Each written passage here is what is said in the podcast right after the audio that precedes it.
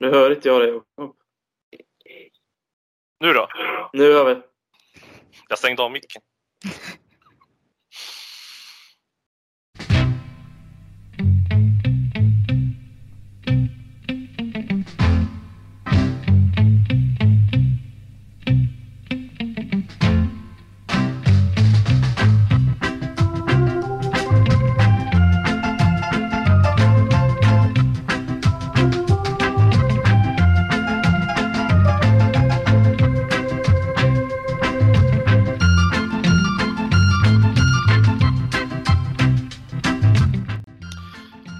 Hallå vänner och välkomna till ett nytt avsnitt utav CSS-podden. Vi skriver detta avsnitt 126. Alltså den enda svenska Chelsea-podden som är skapad och manövrerad av Chelsea Supporter Sweden. Den enda officiella svenska Chelsea-supporterföreningen med platinamedlemskap i Chelsea FC. Jag som sköter allting här i glugg och eh, vit choklad mocka-tider är Jakob Lindström. Och eh, ja, vad vore jag egentligen utan eh, mannen som skriver som eh, nu tänkte jag hitta på en jättebra anekdot, men jag hittar inte på något jättebra. Men Linus Sjöström i alla fall. Kul att du är med igen och hoppas allt är bra med dig. Ja, men det är, det är bra. Det är riktigt roligt. Och julen närmar sig så att eh, snart kommer det hektiska spelschemat vid julen och det är ju alltid lika roligt. Så det, det ska bli roligt att prata Chelsea idag. Mm. Och eh, ännu en som, är, som också verkar vara sån som ah, varje gång jag ska podda, då är hon med. Det är, jag tror det har nästan har varit så, men det är ingenting. Jag tycker om att prata med Sofia för hon, hon kan det mesta som man inte vet. Det kan jag säga. Och Sofia Almroth, jag hoppas att allt är bra med dig också. Jo, men det är bara bra med mig. Det är det. Mycket inför jul, juletider. Ja, det blir ganska mycket nu. Fara och flänga hit och dit. Det, så det är sånt man tycker om som eh, person, att stressa inför jul. Absolut. Eh, körschemat idag är ganska så kort, men det kommer innehålla ganska mycket. Eh, vi kommer givetvis gå igenom United-matchen och vi kommer ta oss igenom lite kontraktssituationer, hur det ser ut i läget egentligen. Det har ju varit ganska mycket höjda ögonbryn senaste veckorna. Och så kommer vi givetvis ta Watford igår. Många tunga smällar. Och vi kommer även ta lite inför West Ham på lördag. Vi startar alltså med matchen i söndags mot United.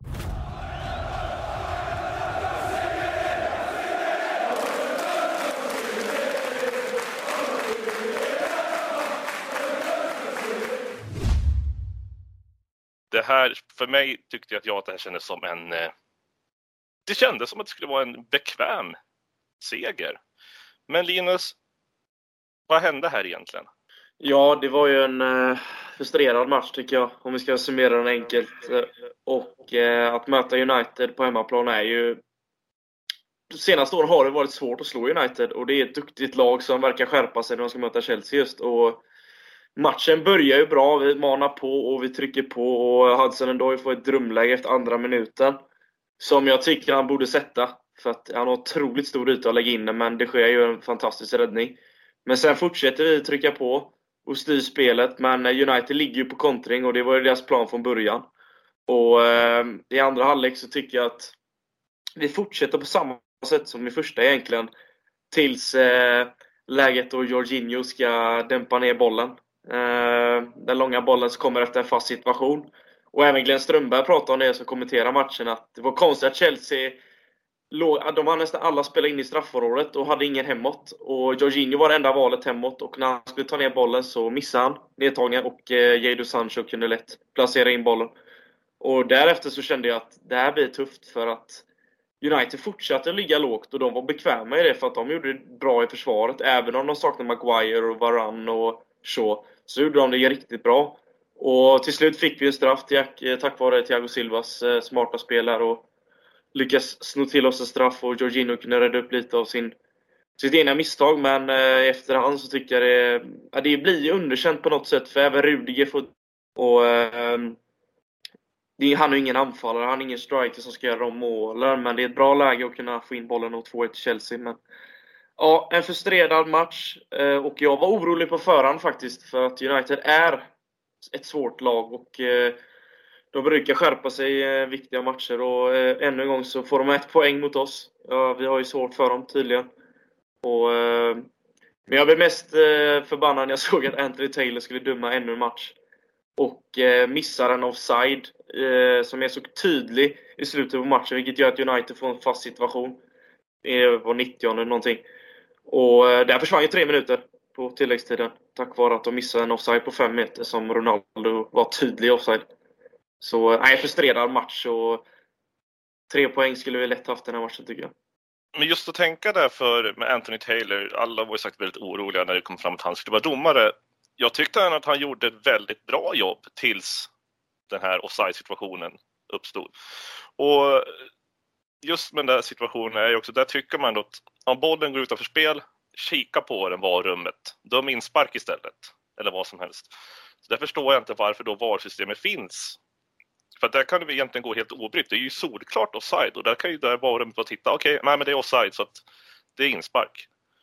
Så är, är det någon av er som har ett bra svar på varför, varför han väljer att döma hörna? Varför inte varummet agerar i sånt här läge?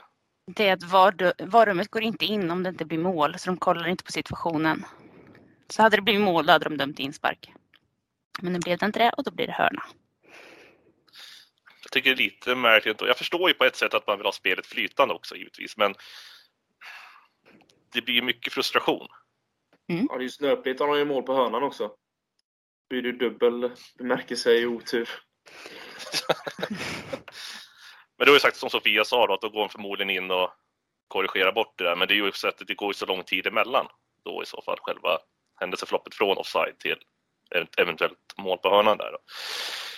Eh, men i alla fall, och så som laget såg ut så var ju Timo Werner tillbaka på topp från start efter hans skadebekymmer. Och vad fick vi se ut av den här Werner egentligen? Jag tyckte att mot Juventus där han fick göra ett mål, att ja, men det här kanske kan vara att han får lite en boost i självförtroendet, men ack och ve så fel man hade. Eh, Linus, Werners situation, ska vi tala om den igen? Jag tror vi har tagit upp honom i varenda avsnitt snart och vi ska inte vara negativa, inte så, utan men någonstans måste man ju snart börja inse att det här, han, det funkar inte längre med hans, eh, hans, hans spel så att säga. Vi ska gå lite djupare in på det om en stund, men bara Ja, alltså det är, det är frustrerande att se Werner för att eh, han får inte till det och han får ju ett bra läge om det är ett andra halvlek där han kan smälla in men ja, han, han, får inte till det. Och det enkla blir svårt för honom och det är ju tydliga tecken på att det är en kille som inte är i form och åkte på en skada och så nu kommer tillbaka vilket gör att han behöver tid för att komma in i spelet igen men ah, ah, Saker som borde vara enkelt för en anfallare blir svårt för Werner för tillfället och saker och ting det flyter inte på i Chelsea. Eh, och det tycker jag är otroligt synd. För han har ju kvaliteter som jag har varit inne på tidigare på podden och med hans fina löpningar där han öppnar upp ytor för andra spelare men när han väl själv får bollen så blir det så otroligt svårt. Och känns liksom inte, han vet liksom inte om vad han ska göra med bollen för att få in den. Uh, nu fick han givetvis göra mål mot Juventus men det var inte så många som hade missat det läget. Uh, så det, det är, precis, jag tänkte säga det. Möjligtvis Werner också. Men uh, ja, jag, vet faktiskt inte. Jag tycker bara det är en, det är en sorglig historia tyvärr. Vi får ju se nu framöver hur det går. Nu när Lukaku även kommer få komma tillbaka om och Werner skjuts ut på en kant Eh, och eh, om de kan få upp något bra spel där. Men just nu så ser, ser det otroligt svårt ut för Werner. Om man ska gå rent, vi ska gå in, sagt, gå in lite djupare på Werners situation om en liten stund, men om vi går tillbaka till eh, matchen och rent kolla statistiken från den här så är det ju inga, det är ju jätteroliga siffror, men slutresultatet att döma så borde det ha varit mycket mer. Ta till exempel vi hade 15 hörner. 15 resultatlösa hörner. Alltså det, det är ju egentligen för mitt tycke dåligt. Eh, det borde inte utdela någonting på den här chansen. Alltså 66-34 i bollinnehav. Och jag tror det är 15-3 i skott också. Varav fem på mål, två för United då, så att de hade bättre där. Men Sofia, den här statistiken, hur mycket ska man egentligen, ska man stirra sig väldigt blind på den eller ska man, eh, vad tycker du? Alltså jag vet inte riktigt. Eh, det är svårt. Det är klart att det är jätteenkelt att kolla på statistiken säger. Ehm, och i så fall så då ska ju Chelsea vinna den här matchen. Eh, men vi gör ju inte det och då, det blir så mycket mer där ute jag vet inte riktigt. Man, man, kan inte stirra sig helt blind på, på statistiken så som den är. Eh, för i så fall ska vi göra betydligt mycket fler mål. Bara redan på förhand så ska vi göra två och ett halvt mål på två och en halv chanser. Så att alla chanser vi ska ha ska gå i mål. Och det gör de inte. Nej, bevisligen inte. Eh, vi får ju med oss den där straffen som leder till 1-1 och det blir ju inte så mycket mer än så.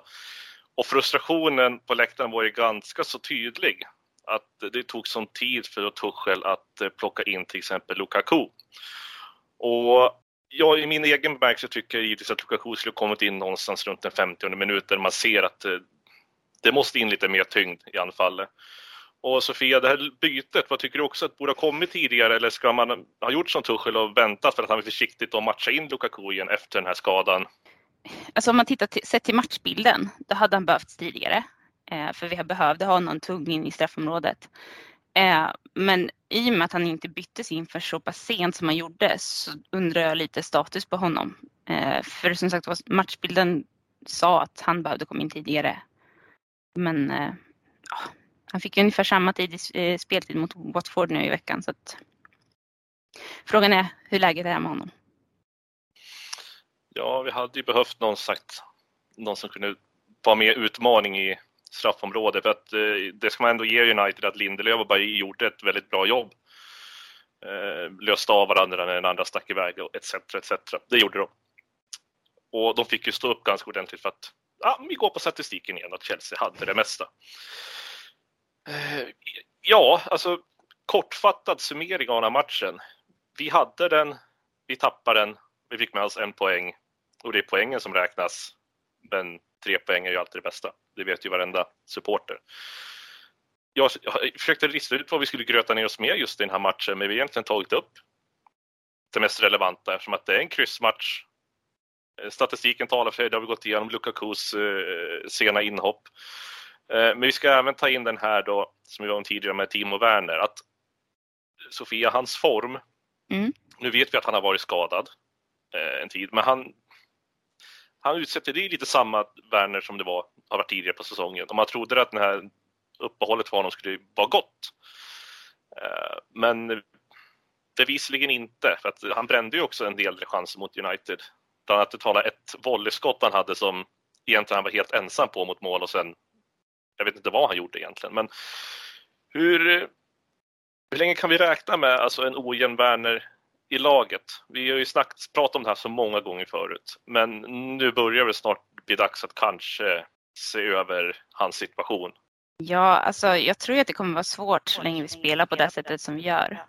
Eh, för Werner gör bra matcher då och då. Det är oftast när han får stora ytor att spela på. Eh, och han har svårt liksom när, han, när inte de ytorna finns. Eh, så att, det beror helt på vad man får för motstånd om man ska vara bra eller inte. Och då är frågan, är han rätt för oss? Eh, jag har sagt det ganska länge att det känns inte riktigt som att han passar hos oss. Han var bättre i Bundesliga och Leipzig för där spelar de ett rakare spel. Men däremot så vill jag faktiskt ändå, jag har sågat honom ganska rejält eh, under det senaste året. Men jag måste ändå säga att jag tycker att han har börjat ta de löpningar som jag har efterfrågat. De, framförallt mot United då. Eh, han, han sprang inte in framför lagkamraten utan öppnade upp ytor istället. Så att, ja, det är klart han ska göra mål, men eh, ja. Eh, om vi ska ta en eh, slutsummering, om vi ska ta med de eh, ljusbilder från United-matchen. Eh, nu kan vi hoppa över Watford-matchen eftersom att den har redan avverkats, men om vi går in på West Ham då. Eh, och Linus, om du får ge dina ljuspunkter från den matchen, vad, vad, vad kan vi ta med oss? Ja, alltså att vi får ju fortsätta och alltså jag tycker ändå spelmässigt så gör vi en bra match, men det är att vi måste bli mer konsekventa på att sätta våra lägen som Sofia är inne på. Vi skapar mycket men målen måste ju sitta också. Och det har gjort mycket att Lukaku har varit borta, men då har vi ändå kunnat resultera en del mål. Men det här var en, match, en toppmatch där vi inte lyckas på det sättet och då blir det tydligt att det spelar ingen roll om man skapar mycket chanser och har bollinnehavet. Bollen måste in för det här blev en vunnen poäng för United och två tappade för Chelsea. Så att en, eh, en, jag tycker det är en underprestation i i poängmässigt sett, men sen tycker jag att spelmässigt så gör vi en helt en bra match. Liksom. Men det, det var synd att vi tappade två poäng där, för det skulle vi behövt i toppen nu tycker jag. Eh, jag tycker att vi ska ta med oss rörelsen från första halvlek. Eh, där vi var väldigt rörliga och kunde spela oss ur Uniteds försvar. För de var väldigt aggressiva i sin press. Så i och med det så tycker jag att vi stryker United-matchen, alltså 1-1 slutade där och vi fick ju ändå behålla serieledningen med en poängs marginal. Eftersom att City vann deras match där också. Och nu ska vi gå över till något helt annat. Så nu släpper vi matcher och vi kliver in på ett litet segment som handlar om eh, kontraktssituationer, lite transfers.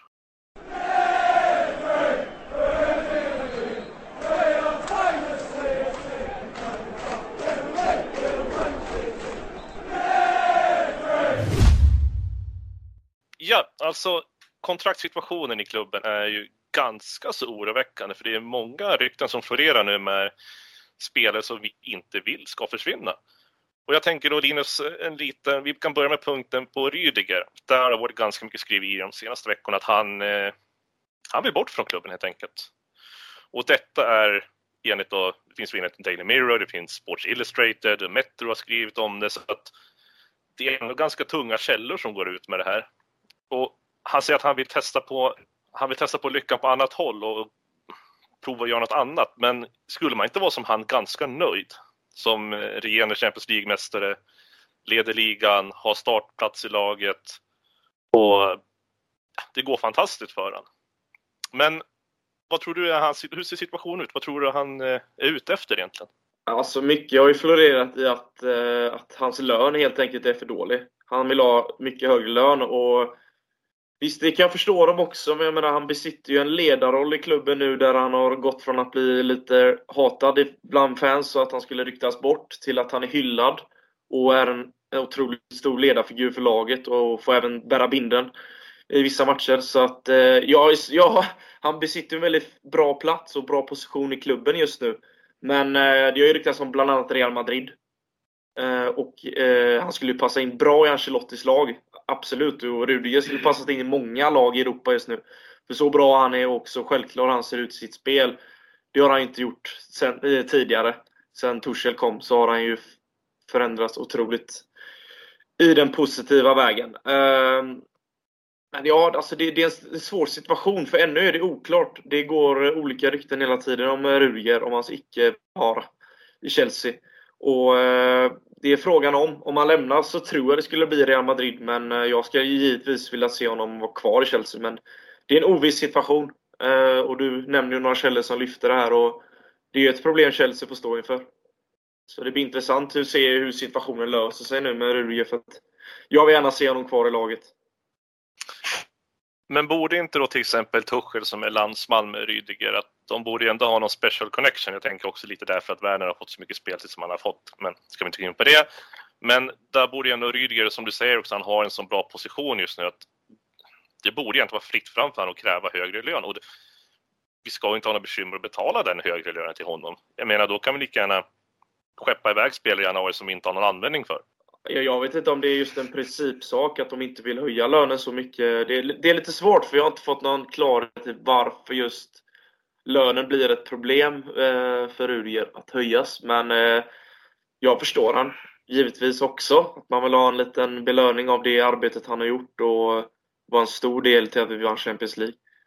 Så ja, nej men det, det, det är en svår situation och jag tror inte det är varken roligt för Chelsea eller Rudiger nu att saker och ting läcker ut, att han vill lämna och sånt. Det, det hamnar inte på pluskontot bland fansen om man säger så.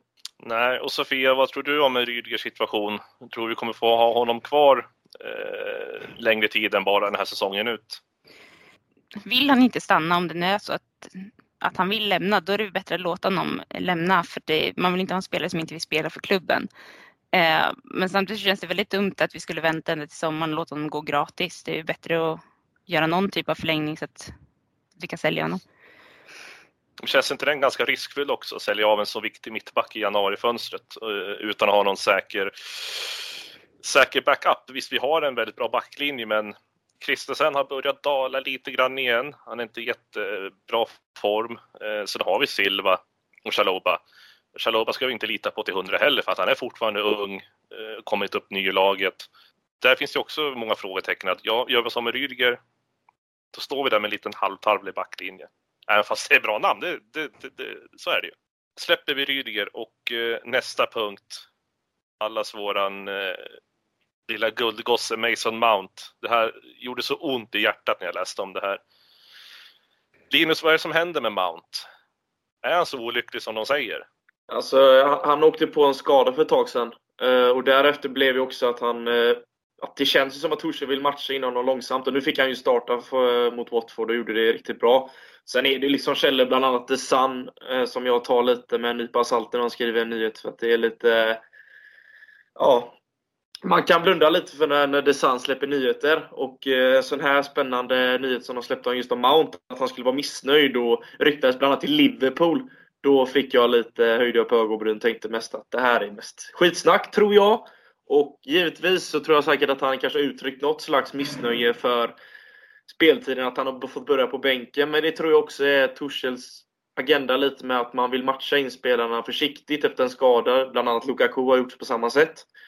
Eh, och jag tror inte att det är något problem och jag tror inte Mount heller. Jag menar efter matchen nu så la han ut inlägg om att han var tre, tre fina poäng in till eh, kassan och eh, kysste klubbmärket. Så jag, jag, tror liksom det, är det är inga problem vi behöver oroa oss på i längden tror jag. Men vi har ju varit med om sådana här situationer förut, kanske inte just i Chelsea men i andra klubbar. Jag tänkte mest på Liverpool och Sterling situationer där att visst, du har en bra speltid, men då kommer den andra klubben och kanske lockar med lite mer pengar. Eh, och det, men det kan ju vara så för Manta också. Han kan ju vara våran, som jag, han är ju våran guldgosse från vårt egna led. Och Sterling var ju också likadant för Liverpool. Och vad är det som talar egentligen emot att Mount skulle eh, möjligtvis flytta på sig? Ja, så stämmer de här ryktena som har florerat så eh, absolut, om det är ett missnöje där han vill ha mer speltid så, och det är en spelare som har gjort det otroligt bra det senaste och är en ung engelsman. Eh, så att det skulle vara i så fall om dessa rykten stämde, men annars skulle jag inte se att Mount skulle lämna Chelsea. Det, det är en spelare som jag ser ska ha kaptensbindeln inom några år.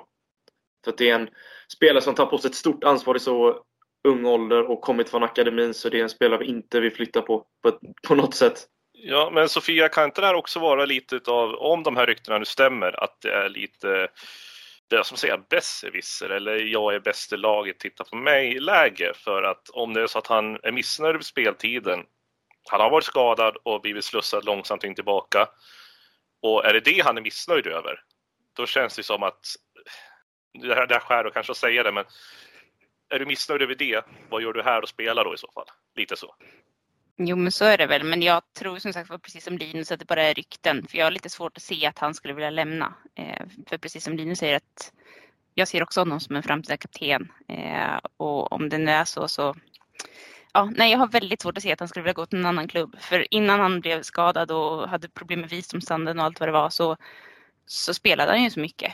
Eh, så jag har svårt att se att han skulle vara missnöjd över det. Som sagt, man ska ju ta alla de här The Sun, Mirror och de här med en liten nypa salt. Så är det ju. Men eh, det finns, gör ju, det gör ju något att vi kan prata om såklart. Eh, vi ska släppa de här två som har florerats mest nu och ta det som florerar mest och ryktas in istället. Och där finns det både chans inför januari men även pratas om till sommarfönstret, alltså Chiesa från Juventus. Och Linus, du har ju järnkoll på Chiesa. Ja, Chiesa är ju en eh, en, en otroligt duktig ytter som har varit både effektivt för Juventus men även för Italien i EM. Gjorde ett fantastiskt EM. Det var ju där jag började läsa mer rykten om att han skulle komma in till Chelsea. Det var ju efter hans EM-prestationer. Och var nyc hade en nyckelroll i Italien. Och, och har ju även skapat problem för Kulusevski i Juventus. Så att vi vet ju att det är en klassspelare. Och Tuchel ryktas vilja ha in honom. Och eh, skulle nog passa in ganska bra från en kantposition i Chelsea. Och eh, vi känner ju Jorginho sen tidigare och Emerson som är utlånad till eh, Lyon nu. Så att han, det är mycket möjlig värvning, men det ryktas om att Juventus inte vill släppa honom. Och det blir nog en stor summa pengar som kommer läggas på en sån här spelare. Och vilket gör att ett otroligt tryck kommer bli från start på Kesa. Så att eh, det är en situation som är intressant att följa. Men eh, det är frågan hur stor summa man vill lägga på eh, Kesa. Det är lite där jag är tveksam till om prispengen stiger iväg otroligt för att Juventus är ju otroligt kär i sin kära Kesa. En av fotbollskanalen ISBN har ju bekräftat, eller har ju egentligen fått reda på att Tuchel vill ha in Kesa. Och jag har för mig att Tuchel även ville ha in Kesa när han var i PSG vilket så inte varit fallet som alla har märkt. Men skulle Kesa-värvningen i januari, skulle det bekosta då till exempel en eh, Ziyech som på ett sätt lite har kommit igång nu, Eller kanske till och med en Pulisic. Var står vi någonstans? Ja, jag skulle ju ta honom mot Pulisic alla dagar i veckan faktiskt. För att jag, jag har så svårt för Pulisic just nu för att han, han kommer liksom aldrig igång. Han får ju inte den här matchen där allting flyter på. Han har visst, han har gjort mål mot Crystal Palace och gjorde mål mot Leicester, men jag vet inte riktigt vad man har Pulisic och det, det är för många matcher där han är på en för låg nivå för att spela för Chelsea och senast nu mot Watford såg man ju att eh, han håller inte just nu för en startplats i Chelsea. Och eh, då hade jag hellre sett en eh, Kesa flygandes på kanten som har ett otroligt bra självförtroende och gör en del poäng och sänkte även oss i Champions League på bortaplan mot Juventus. Så att, om vi skulle jämföra där så hade jag tagit Kesa alla dagar i veckan. Ja, och Sofia, kör du också det bytet rakt av? Att om Kesa kommer in så uh, ryker Pulisic? Eller ser du att han tar någon annan position, eller någon annans plats?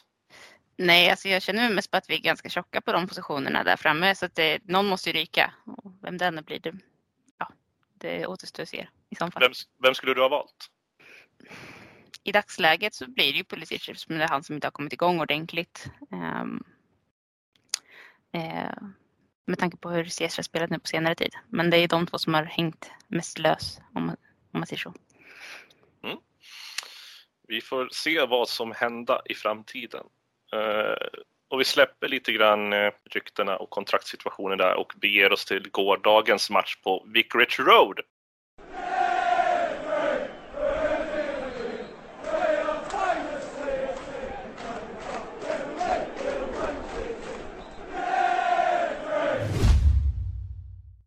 Ja, var ska vi börja någonstans? Den här matchen var också så här lite grann att ja, men det här kommer inte vara något bekymmer. Watford borta. Ja, kan det vara lite småtufft, men jäklar vad Watford tryckte till oss. Och vad vi hade ett, eh, en, som många experter sa, bland annat i Sky Sports, att det här var den svaga uppställningen av Chelsea, om man bortser från Havertz och Rydiger. Linus, eh, en liten analys av det här. Vad eh, gjorde vi mot Watford egentligen? Och vad gjorde vi rätt och vad gjorde vi fel? Eh, alltså på förhand så visste jag att det skulle bli en tuff match för eh, Watford. Körde samma pressspel mot United som de gjorde mot oss nu och jag, jag var förberedd på det. Så jag var ju framförallt lite orolig för eh, Pulisic, eh, Alonso-kanten. Och även att man såg att Saul skulle starta tillsammans med Ruben. Ruben. Så där blev man ju redan nervös på förhand. Och eh, vi har ju skadeproblem och det visste vi om. Och det sa även Torshäll efter matchen att vi var inte förberedda för den här matchen helt enkelt. Och det såg man tydligt att det här pressspelet Watford hade första kvarten innan de avfick, eller efter första tiden och innan de fick avbryta där, det var, det var otroligt och de fortsatte efter eh, avbrottet också. Uh, och de körde på och de gjorde det tufft för oss. Vi fick inte spela runt bollen, det blev stressbollar, vi fick rensa. Och de fortsatte bara pressa på och eh, deras eh, trio där framme med King, Joao Pedro och eh, Denis gjorde det otroligt svårt för oss. Och de smällde på ordentligt och eh, att Ekong fick vara kvar på planen efter 90 minuter är en eloge. För ah, ja, ja, han spelade utan några slags gränser tyckte jag. Och det var många situationer där jag, de smällde på ordentligt, Watford-spelarna. Och det, de markerar ju att de kommer inte låta oss ta tre enkla poäng här och det gjorde vi verkligen inte. Vi fick kämpa till sista sekund och målen kom egentligen efter två fantastiskt bra uppbyggnader av spelet där inte de hänger med. Och i, igår räckte det tillräckligt att två lägen egentligen som satt. Och eh, det var inte bättre än så för att eh, det var ingen bra prestation. Så att eh, jag är otroligt nöjd med tre poäng men eh, vi var inte värda tre poäng igår. Nej, och det ska givetvis säga innan vi tar det längre att den här situationen som uppstod eh, ganska tidigt i matchen med en Watford-supporter som eh, fick hjärtstillestånd som jag uppfattat det och de gjorde hjärtkompressioner på honom där på sidan utav, vilket fördröjde matchen ganska betydligt. Men eh, man hoppas givetvis på att det blir en speedy recovery på den personen. Eh, sådana där lägen är ganska de är väldigt, det är sagt ett allvarligt läge men det är då också fotbollssupportrar blir väldigt vackra mot varandra. Eh, ta till exempel scenen när Chelseas läkare ska gå därifrån och de får applåder av Watford-supportrar. Jag tycker sånt är, det behövs mer sånt inom fotbollen. då är det väldigt fint att de ställer upp. Eh, I alla fall då så att vi knallar vidare i matchen och eh, som du var inne på, Saul. Det, han, han har fått det lägsta betygen Chelsea-spelare har fått på eh, den här och förra säsongen. Eh, om man tittar på både Sky Sports egna eh, betygssättning av spelare så är det ingen Chelsea-spelare som har hamnat så lågt som han har gjort. Och det här måste ju också vara ett bevis på att det här är möjligtvis hans sista match han gör i Chelsea. För jag kan inte se att han eh, han, han, han har inte spelat till sig någon startplats än och är förmodligen inte ens en eh, bänkplats att hoppa in på. Sofia, vart vill du se Saul i januari? Ja, det känns ju inte riktigt som att man vill se honom hos oss, men samtidigt så känns det lite det känns ändå hårt att verkligen totalsåga honom för att det känns som att han, hans första inhopp kanske kom alldeles för tidigt och att det sitter kvar i huvudet på honom. För han kommer ofta sent in och det, ah, nej, det blir inte bra. Så jag vill ju inte se honom hos oss, men ja. Nej, man hade ju hoppats på att när de ändå plockade in honom, att man har ju sett honom i Atletico Madrid, han hade en liten dipp där, men chans att plocka in honom på lån. Men man hade hoppats på att det kunde finnas någonting som eh, tände till honom i och med det här. Men nej, vi har inte fått se den Soul som man har sett tidigare. Absolut inte. Och inte just bara Soul, men vi ska gå in på den här vänsterbackspositionen. Eller wingback-positionen. Marcos Alonso. Den, jag tror det här är den mest ojämna spelaren vi har i dagsläget. Så fantastisk som han var under Chilwells frånvaro. Det syns inte till nu, bortsett från eh, framspelningen han var med och gjorde på målet där. När han, slog in, när han plockade ner den på volley, fick med sig in och slog in mot Havertz och sen Havertz till Mount. Men bortsett från det så är han, man ser, han kämpar och sliter men det är mycket felbeslut i både passningsspel och han är väldigt klumpig. Eh, jag skulle säga att hela Chelseas backlinje i första halvlek var väldigt klumpiga. Men Sofia, den här Alonso, mm. finns, kan det finnas någon förklaring till varför han är så pass ojämn som han är? Eh, jag försökte kolla lite på det. Det jag ser mest är väl att, att eh, det beror lite på vad det är för typ av matcher. Är det matcher där han får vara väldigt offensiv och inte utsätts för så mycket defensivt arbete, då är han jättebra. Eh, för där är han oftast bra. Men han är inte bra i defensiven vilket gör att då behöver de spelarna runt om honom steppa upp ett steg och täcka upp de ytor som han tappar och, och så. Och i till exempel matchen igår så hade vi inte riktigt de spelarna runt honom som hjälpte honom med det när han sattes för ganska mycket press. Eh, sen tyckte jag även mot United när man såg att han var väldigt machovan. Eh, för bolltouchen var inte bra. Den studsade åt alla håll och kanter. Eh, ja, så jag vet inte riktigt. Han är upp och ner. Men jag tror att det har mycket med vilka man möter och vilka han har runt om sig. För att han är ju inte en... Eh, han är ju, han är ju en fysisk spelare, alltså han är ju stark i kroppen. Och det märker man just som du säger där, hans offensiva räder han tar, att han står emot ganska bra. Eh, men det han har emot sig det är ju snabbheten tillbaka. Att han är ju inte den kvickaste spelaren. Eh, och han verkligen ser inte ut att orka riktigt 90 minuter heller alltid. Men å andra sidan, han är en bra backup till Chilwell, det är han. Om han får spela på det sättet som han gör bäst, alltså när han får hålla sig på den offensiva delen. Om vi ska gå rent eh, siffermässigt på den här matchen, alltså 2-1 till Chelsea i en match som hade lika gärna kunnat slutat i eh, en förlust. Men eh, som sagt, det är poängen som är viktiga och vi får med oss tre poäng. Men siffrorna säger ju att om man tar mot United till exempel, där vi ändå var hemma, 51-49 i bollinnehav för Chelseas fördel då. Och vad är det som gör det här tappet egentligen? Att vi går från att äga en match mot United till att tappa alltihopa i, eh, mot Watford borta. Visst, en bortamatch är inte alltid enkel, men på pappret så ska det här vara tvärtom, om du förstår vad jag menar. Så Linus, vad, vad kan vi säga egentligen? Är det på grund av den svaga laguppställningen vi har, bland annat på mittfältet, som gör att det här det liksom bara väller över oss? Jag saknar Jorginho otroligt mycket igår. Eh, det tyckte jag man... Det, det var nästan från matchminut ett och eh, Saul och Ruben Loftus-Cheek fick liksom inte kontroll på Watford-spelarna vilket gjorde att det skapades otroligt stora ytor på mittfältet och det gjorde att det skapades chans på chans egentligen när Watford kunde trycka på. För det här pressspelet, det var ju någonting inte vi klarade av den här matchen. Vi kunde inte spela ur oss det, och vilket gjorde att vi fick slå långa bollar. Vilket vi inte gillar att göra eftersom att vi har varit duktiga i den här säsongen att spela oss ur svåra situationer. Men den här matchen hade vi otroligt svårt. Och eh, det jobbiga är när Alonso behöver använda sin högerfot, för den existerar ju knappt. Och eh, när han ska komma in i banan med sin högerfot så tappar vi bollen. Och Soul är ju inte bekväm och spelar bort två, tre enkla pass som man egentligen bara ska sitta på foten. Så jag tycker det, Jorginho saknas extremt mycket igår. Och eh, hade vi haft till exempel Kanté och Jorginho så hade det en helt annan matchbild tror jag. Men eh, ja, jag, jag tror mycket hänger på den svaga laguppställningen, helt klart. Och det, det genomsyras väldigt, enkelt, väldigt tydligt genom hela matchen egentligen. Att vi, vi hade en eh, svagare startelva vilket gjorde att vi även hade det svårare på planen mot ett eh, offensivt eh, starkt presspel av, eh, Swan, äh, av Swansea. Av Watford igår. Ja, men det märks ju att det vart givetvis mycket bättre bakåt sett i andra halvlek när Saul gick ut till fördel för Silva. Och det kunde egentligen vem som helst se att det där bytet skulle komma. Kanske inte just Silva, men att Saul inte skulle spela andra halvlek. Eh, och en som jag har börjat, som jag, ni vet jag var väldigt skeptisk mot eh, en viss spelare sen typ vi började spela in. Och eh, Hakim Ziyech.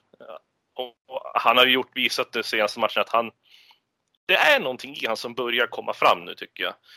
Och Sofia, det där målet han gör, det är ju ganska så distinkt avslut. När passen in från Mount, han sätter liksom bara dit foten och det smäller i nätet. Det är liksom, det, visst känns det som att han börjar hitta rätt nu? Jo, men det gör det. Jag tycker det känns lite som förra hösten. Då var han väldigt bra. Han var väldigt bra ända fram till typ den här tiden på året när han skadade sig igen. Eh, så att, han kan ju det där och det gäller att han får självförtroendet, han får, får tid att spela in sig. Sen har han ju matcher då han försvinner helt, men just här kom han in och gjorde det som han är bäst på. Man slog många felpass också innan det, men det... Han behöver, han behöver lite en fem minuters inkörsperiod när han blir inbytt för att det ska komma igång. Och då får man räkna med lite felpass och andra fatala misstag. Eh, nej men kudos åt Ziyech. Jag tror han, eh, får han fortsätta så här så finns det ingen anledning att det som jag var inne på tidigare, att vi ska leta, han ska leta en ny klubb i januari. Så jag, jag, även jag, en sån skeptiker, kan ändra mig faktiskt om man blir motbevisad. Eh, och Lukaku fick givetvis komma in. Och han fick bara spela ungefär 20 minuter. Det var väl det inte man kan förvänta sig i mitt tycke av en spelare som har varit borta från några matcher och ska komma igång lite försiktigt. Eh, men Linus, vad tror du att Lukaku kommer steppa upp mer och mer? Eller är det här någonting som vi kommer se mer av? Att hans lite mer en, ska säga en tafatthet. Han är inte riktigt lika het som han var eh, när han kom i början. Ja, det ska bli intressant i helgen att se om han startar eller inte. Det är ju, beror ju på att han har ju matchat otroligt hårt. Eh, från EM egentligen och hela vägen framåt. Och till slut så åkte han ju på den skadan där mot Malmö. Och eh, ja, jag tror definitivt att han kommer eh, börja leverera mål. Och det genererar ju att han kommer, få han kommer få speltid och det kommer ju göra att fler poäng kommer komma in. Och det, det tvivlar jag inte på, för det, det är en klassspelare vi har fått in. Och så vi hyllade honom i början på säsongen. Det, jag tror att eh, ger han mer tid på planen så kommer det lösa sig. Det tvivlar jag inte en sekund på.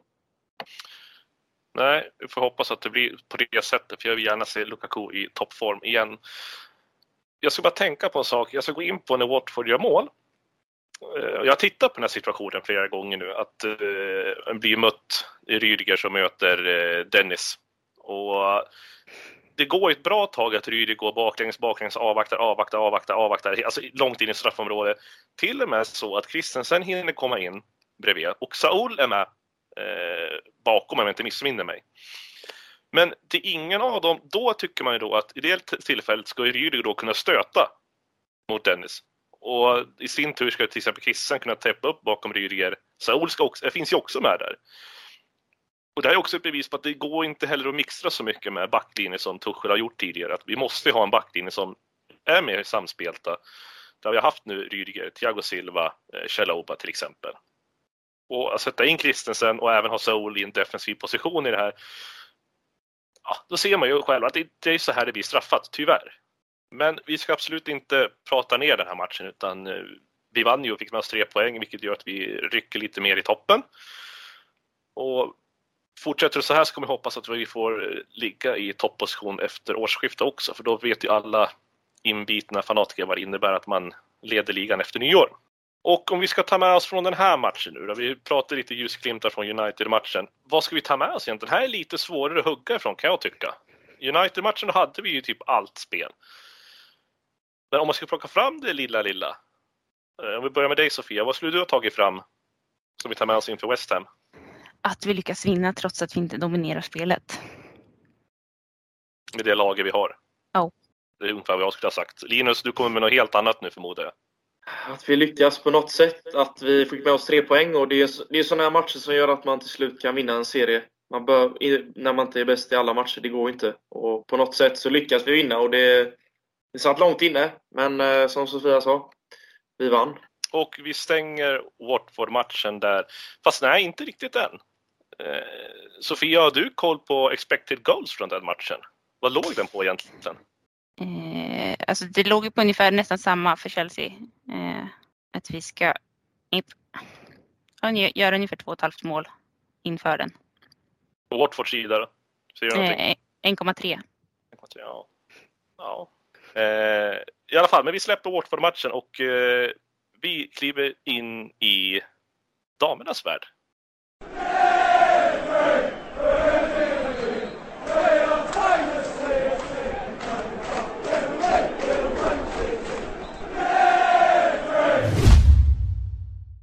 Sofia? Mm? Kommer du ihåg sist när vi eh, pratade att du hade ett uppdrag att titta upp eh, vad eh, Loreen James hade för sig? Mm. Hon har ju spelat nu. Ja. Till och med med brorsan på läktaren. Japp. Men vi, ska, vi, vi, vi, vi, gör så här, vi backar bak bandet lite grann. För det var ett tag sedan vi fick en liten update eh, via podden från dig med damlaget. Mm. Eh, vad har hänt den senaste tiden? Vi ska försöka komma tillbaka när vi pratade sist om det. Ja, nu ska vi se. Det var ett bra tag vi körde senast. Men eh, damerna har ju trampat på och fortsatt spela. Eh, de har ju vunnit allting sen sist vi poddade. Den 22 oktober var det. Ja, och de har vunnit ända sedan dess. De vann, ja. eh, de vann ju mot City i eh, FA-cupen, semifinalen. Eh, ganska stort, eller stort och stort, men 3-0. Eh, sen vann de ju i ligan mot Aston Villa, en ganska tuff borta seger med 1-0. Eh, de har vunnit båda mötena med Servette i eh, Champions League. Med, ja vad var det? Första mötet var 7-0 och andra var bara 1-0. Eh, vi vann mot City i ligan med 4-0. Och nu senast så vann man med 5-0 mot Birmingham. Det ångar på med andra ord. Ja. Men vi har ju någonting kul att se fram emot på söndag i alla fall. Eh, matchen mot Arsenal. Men vad har vi egentligen kan vi se fram emot den här finalen som är om tre dagar? Ja, vad har vi sett fram emot? Tuff, ett tufft möte eh, med väldigt många supportrar på plats. Eh, förhoppningsvis kommer det vara en ganska jämn tillställning eh, och det är väl det laget som, som har kommit tillbaka och spelat bäst efter. det. De har ju varit på landslagsuppehåll eh, till och med idag. Så de hinner bara göra en eller två träningar innan match. Eh, så det, det, blir en bra match tror jag. Eh, för det är två lag som gör det bra i ligan. Arsenal har dalat lite på senare tid men de gör fortfarande bra.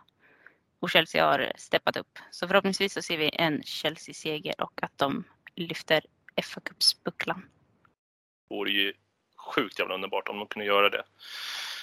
Uh, för att sen tre dagar senare ska ju de kliva in och möta uh, motsvarigheten till vad vi mötte i Champions League-gruppspelet. Men uh, Juventus damer har vi hemma den åttonde. Mm. Borde inte den vara ganska så enkel att räkna hem? Eller ska man vara försiktig? Jag tror att man ska vara försiktig. Gör vi det vi ska så ska vi vinna matchen.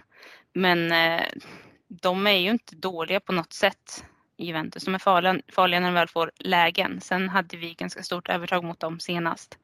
Eh, men de spelade ändå, var det oavgjort eller var det lika mot, mot eh, Wolfsburg. Så att de kan ju göra bra, bra matcher också. Men eh, gör vi det vi ska så ska vi vinna den matchen. Och rätta mig om jag har fel, men vinner vi mot Juventus då är gruppsegern i hamn. Det stämmer. Precis. Och det vore ju fruktansvärt skönt att komma före Juventus både hos herrarna och damerna. Nu ska vi gå in på Loreen James. Mm. Eh, det ryktades om, ryktades om, det sades att hon hade lite personliga problem, lite var det någonting att hon var deprimerad eller var det någonting annat som, har du grävt mer? Det, det jag hittade när man sökte runt, hon gjorde en ganska stor intervju med, med eh, Chelseas TV liksom så. eh, det var att hon fick jobba väldigt mycket med gamla skador och rehabba gamla grejer vilket var jobbigt för psyket för det var liksom inte en ny skada. Hon visste inte när hon skulle komma tillbaka. Eh, så det har varit tufft att eh, liksom försöka läka och rehabba saker och ting som är in the past. Um, så att det var väl en blandning där. Så jag tycker det är fint också. Jag tror fan att det var Champions League-matchen senast mot Ser... Nu ska vi uttala dem. Serves. Vad var det? Ja.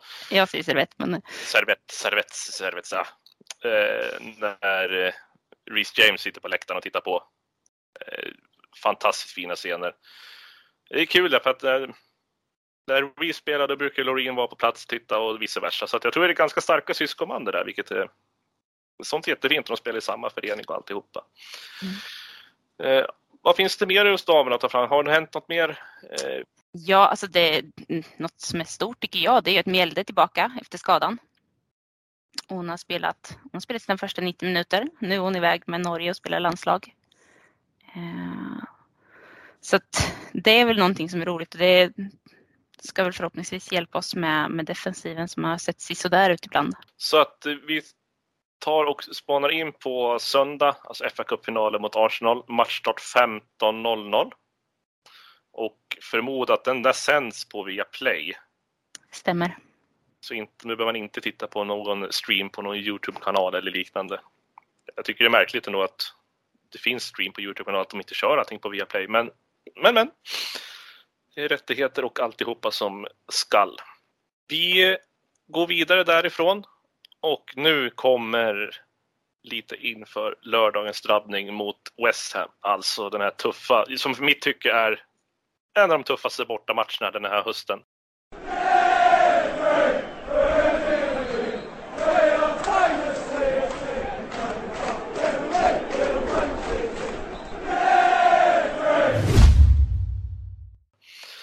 Och Linus, jag tror att du håller med mig när jag säger det.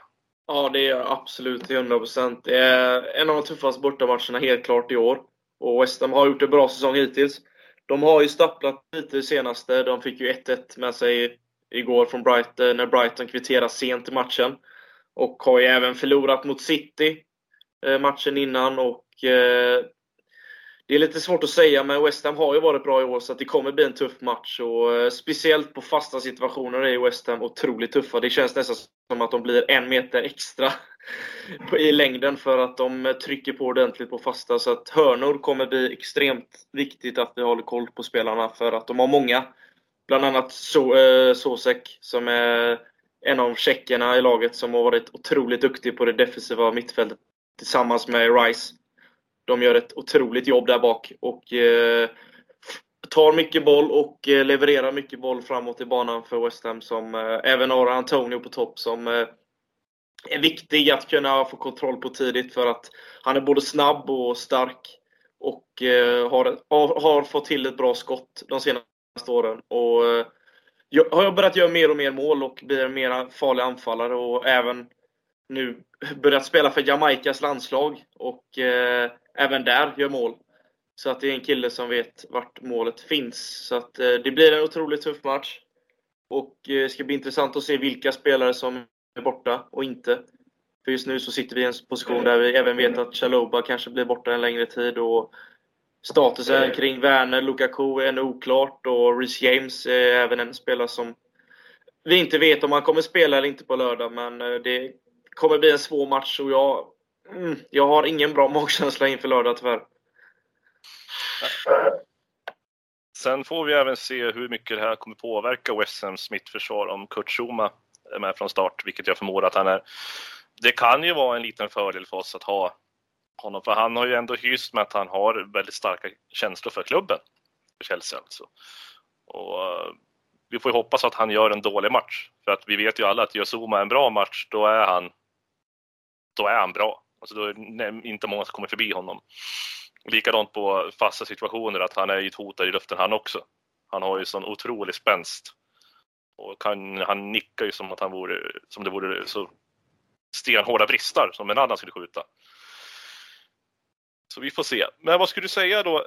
Antonio, är han det största hotet mot oss? alltså rent spelmässigt, om vi bortser från fasta situationer, Linus, om vi tar eh, spelmässigt. Eh, skulle han vara problemmaka mot vårt försvar?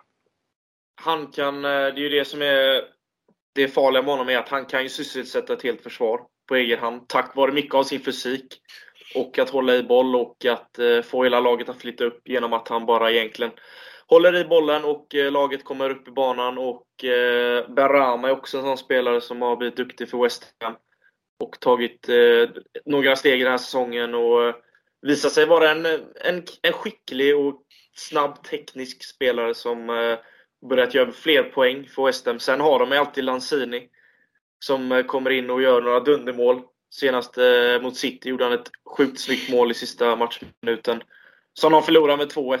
Men gjorde en helt okej okay match på Etihad. Så att, eh, därmed de är duktiga och det är ett fysiskt lag. Och, eh, som jag återigen, jag vill trycka på de fasta situationerna. För där kommer de satsa otroligt mycket på både frisparkar och hörnor. Så försök hålla ner den statistiken och hålla bollen på backen och undvika för mycket duellspel. För där är de tuffa, West Ham. Och det är, det är ju sånt spel de gillar också. Och eh, får de ett trycket på hemmaplan, då vet man att då blir de tuffa, för de har både slått Liverpool och Tottenham på hemmaplan i år. Så att, eh, det gäller att vi får in ett mål tidigt och eh, dämpar fansens eufori från läktaren. För där kan det bli, London Stadium kan koka ordentligt om de får in ett mål tidigt eller om West Ham leder matchen. Mm. Oh ja, men det, jag tror det kommer bli en fruktansvärt häftig match. Eh, Sofia, tror vi kommer ha en Lukaku från start på lördag? Eh, nej, jag tror att han kommer få göra en match till från bänken. Eh, som det ser ut. Alltså det är klart jag skulle vilja ha honom, men jag tror att Tuchel kommer vara försiktig. Vågar vi sätta något slutresultat där eller är det för ovisst? Linus ser helt förskräckt ut just nu. Att han, jag vet inte. Men eh, Linus, vi börjar med dig då. Vad, eh, vågar du säga någonting? Eh, ja, jag, jag säger, jag säger 2-2 faktiskt. Jag tror det kommer bli mål åt båda hållen. Och det är... Mm, ja, jag, måste, jag får gå för 2-2 för det blir, det blir för tufft med vinst den här matchen beroende på lite med skadeläget i truppen, tror jag. Sofia, vad, vad tror du? Eller vad känner du? Eh, ja, alltså jag tror ju på 2-1 till oss då. Eh, jag är lite mer optimistisk. Jag tror också på vinst. Men eh, om man ska vara helt ärlig så tror jag faktiskt att det blir en väldigt snål match. Jag tror det bara blir 1-0 till Chelsea. Och det målet kommer att tillkomma på förmodligen en straff. Så, sån matchbild tror jag att det blir. Det där, nu har det varit, eh, vi har varit lite, det var lite ett gnälligt avsnitt det här. Eh, det har inte varit så jättefantastiska prestationer att prata om, så det kanske är det som ter sig att det blir lite, lite småbittert. Men eh, för tusan, vi ska inte vara bittra för det. Men vi har ett damlag som många på utav helsike och vi har eh, på andra sidan så har vi liksom ett serieledande gäng som här strax kliver, kliver ut nästa vecka och ska gå för Champions League-gruppsegern, vilket jag också tror att de kommer göra. Men vi ska inte sluta avsnittet riktigt här. Utan vet ni vad det är dags för nu? En anekdot.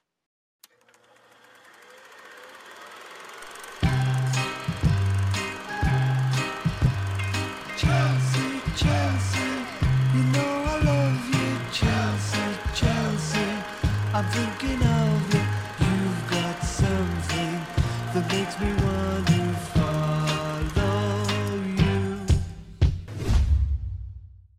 Eftersom att det är West Ham vi möter på eh, lördag så finns det en ganska så halvmörk berättelse om jag får säga så. Eh, och det här är taget från en bok som eh, Brian McCall har skrivit som heter A Record of British Wartime Football vilket man kan tyda sig att det har med kriget att göra. Men alltså 1939 vet vi alla om då att Tyskland invaderar Polen. Och i och med det så bryter han världskriget ut. Och det här kommer ju påverka ligaspelet i England. Då egentligen alla klubbar i England tappar personal, spelare etc. till tjänstgöring, varav Chelsea tappar hela 44 stycken eh, från organisationen som går ut i tjänstgöring. Och då är det alltså spelare och ja, tränare etc. etc. Ah, berörda människor inom klubben. Och säsongen 39-40 den ställs ju in helt och hållet och beslutet kommer då att man ska starta en eh, icke-officiell liga som man väljer att kalla för Wartime League. Och den här ligan är någonting som bemöts av eh, mycket stora protester. Och man kan ju tänka sig varför. Bland annat så är att man lockar folk till större evenemang, alltså vi snackar 10-15 000 på läktarna. Och man kan ju bara tänka sig vad till exempel tyskarna tycker om en sån grej. Att det vore ett eh, kanonläge att ställa till jävelskap. Men det här var den enda ljusglimten folket hade egentligen under den här tiden. Och det som också är speciellt med det här är att många i publiken valde att använda gasmasker. Vilket skulle ha varit en eh, ganska horribel syn att se. En publik där egentligen 70 procent har gasmask på sig. Men förebyggande syfte. Det är egentligen ingen skillnad mot vad nu när folk har munskydd på sig under corona. Nu ska vi inte dra det så långt men Eh, och den här ligan som de skapade den sågs ju bäst som ett fiasko, alltså en plojliga. Så därför har ingen statistik sparats från de här matcherna som spelades 39-40 fram tills att det ordinarie ligaspelet startade igen säsongen 46-47. Först för några år sedan så började en person, bland annat han som jag nämnde som har skrivit den här boken då, att forska lite grann i de här gamla resultaten och vad som har gjorts den här tiden. Och det här var ju mest för att det var ju inga officiella, det var inga spelare som många av de spelarna som var i klubbarna var ju krigsarbetare och eh, gästspelare från andra länder, till exempel som mot Frankrike. Där kom vissa människor som ställde upp och var med i lagen. Då. så ljusglimten var ju de här matcherna under krigstiden, att eh, det hände någonting positivt som folk kunde samlas kring och vara lite glada över. Däremot så finns det en match, alltså den 30 mars år 1940. Det här är eh, det är en svår, en svår match det här. För att Chelsea ska ta emot West Ham den 30 mars 1940. Och det här är ett ganska laddat möte redan då, men derby av allt vad det innebär. Och det som sticker ut i den här matchen är att Chelsea har ändå lyckats få ha kvar vissa spelare eh, av den här digniteten som kallas för professionella fotbollsspelare. Bara tre dagar innan så kommer beskedet om att de här spelarna som är kvar nu då, plus några till, också ska ut i tjänstgöring. Och blir då helt enkelt eh, förvisade att medverka på matchen mot West Ham. Det här ignorerar de. Tyvärr så finns det liksom inga namn på de här spelarna än. Det kommer nog säkert komma upp i nästa bok som man håller på att skriva, men de här namnlösa spelarna väljer att ignorera åren de har fått och ställer helt enkelt upp mot West Ham. De kommer till arenan, alltså till Stamford Bridge och ska precis kliva ut på planen. Eh, de kommer inte ut på planen, de här spelarna som har blivit inkallade för tjänstgöring, utan de blir plockade på plats så att Chelsea får ställa upp med fyra man mindre varav att de får panikleta efter folk som kan sätta sig som till exempel en bänkposition eller liknande.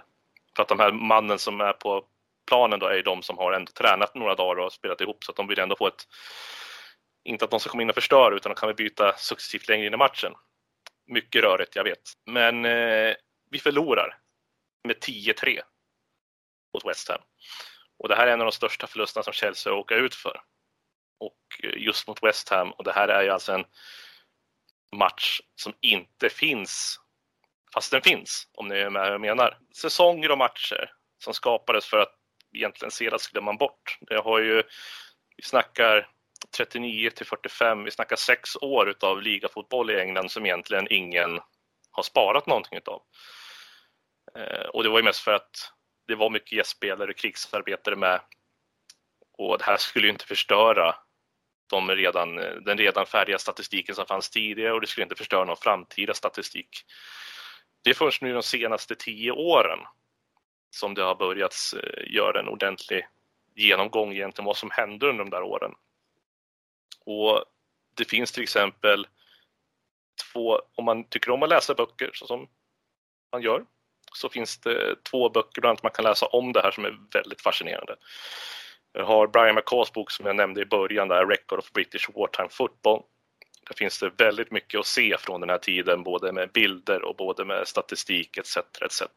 Och sen även en bok som kom 2012 av Jack Rowland som heter, ganska lång titel, men The Forgotten London League and Cups, Wartime Football in London, alltså 1940 till 1942 bara, som han har kommit till.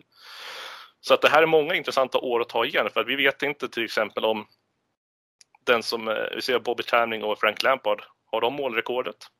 Vi vet inte. Det kan finnas någon under Chelsea under den perioden som har gjort eh, fler mål. Knappast troligt, men just sån statistik kan vara rätt kul att se. Till exempel att Alan Shearer vart ju nedpetad som Newcastles bästa målgörare här för några år sedan på grund av att de hittade den här, nu kommer jag inte ihåg vad han hette varför det, men i Newcastle under den här tidsperioden som hade gjort tre eller fyra mål fler än vad Alan Shearer hade gjort. Så sådana saker är ganska intressant att man tar med sig och för vidare. Men oavsett vad, så de som ställde upp och gjorde folk glada i dessa tider är hjältar i mina ögon. Och de ska inte glömmas bort så som det var tänkt.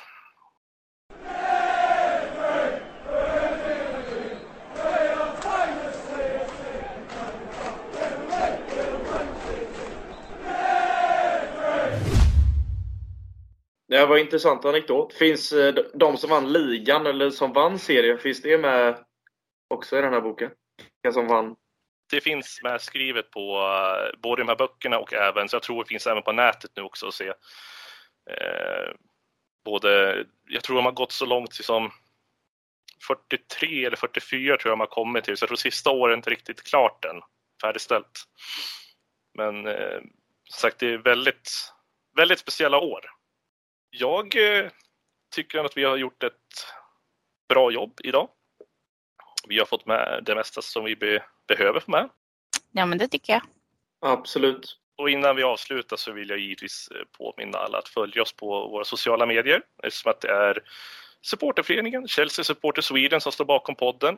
Så behöver man inte vara medlem för att ta del av eh, ideella arbete som görs här, bland annat med den här podden och Facebookgrupper som finns. Men vill man stötta på ett relativt enkelt sätt så kan man göra det genom att eh, följa oss på de här sociala medierna som finns. Då. Och då är det till exempel på Instagram, där heter vi Chelsea Sweden understreck official. Och på Twitter heter vi at Chelsea Swe, alltså Chelsea SWE. Så in och följ oss bara redan idag, om du inte redan gör det. Och jag har inte Twitter än, fortfarande. Så att mig kan du inte följa där. Men Sofia, du har ju Twitter och du heter ju då Almroth Sofia om det fortfarande stämmer. Det stämmer. Och eh, Linus, detta eviga tjat om ditt Twitternamn. Jag... Ja, nu måste jag heta det. Linus Schuström 99 heter jag på Twitter. Det är det officiella. Linus Schuström 99. Ja, där har du Jag tror jag kan ha sagt fel tidigare, men vi släpper det nu. Linus Schuström 99. Där har vi det. Och Givetvis så rekommenderar jag även ett besök då och då på hemsidan på Svenska fans som alltså är svenskafans.com England Chelsea. Där kan man läsa artiklar, matchrapporter, krönikor, info om supportklubben och arbetet, allt som görs runt omkring där både Linus och Sofia skriver krönikor och inför matchrapporter bland annat. Så det finns hur mycket som helst att se där. Och lyssnar du på podden och inte har blivit medlem i CSS-poddengruppen på Facebook så kan jag varmt rekommendera det ett besök också och även bli medlem. Man kan diskutera podden, innehållet, samtidigt som man kan dela och läsa olika trådar, diskutera matchtrådar som läggs upp inför varje match också. Vilket kan vara ganska kul att se hur folk tänker och tycker, även om vi alla är likasinnade i den gruppen. Och med det så sätter vi punkt tycker jag. Eh, stort tack för att du var med igen Sofia. Tack, det var jätteroligt att få vara med. Det är alltid roligt att snacka fotboll. Det tycker jag med och det tycker säkert Linus också. Som, eh, jag vet inte, han börjar se trött ut nu. Det är tär på plugglivet tror jag. Men tack Linus för att du har varit med igen och eh, jag gissar på att nästa gång det är jag som hostar så sitter du förmodligen där också. Ja men det, det gör jag säkert. Jag följer efter dig så att... Uh... Nej men det har varit riktigt roligt. Uh, även om det har varit lite, kanske mer, lite mer negativt. Uh, men det är ju beror ju nu på prestationerna. Och vi får hoppas att det vänder nu i helgen mot West Ham. Det hoppas vi och jag jinxar med att säga att det kommer vända. Men i alla fall ett sista rungen tack och givetvis till dig som har lyssnat på det här avsnittet. Så vill du så får du gärna droppa en kommentar i CSS-podden-gruppen på Facebook för att diskutera avsnittet. Skicka en hälsning eller bara skriva något kul peppande för oss som jobbar med det här.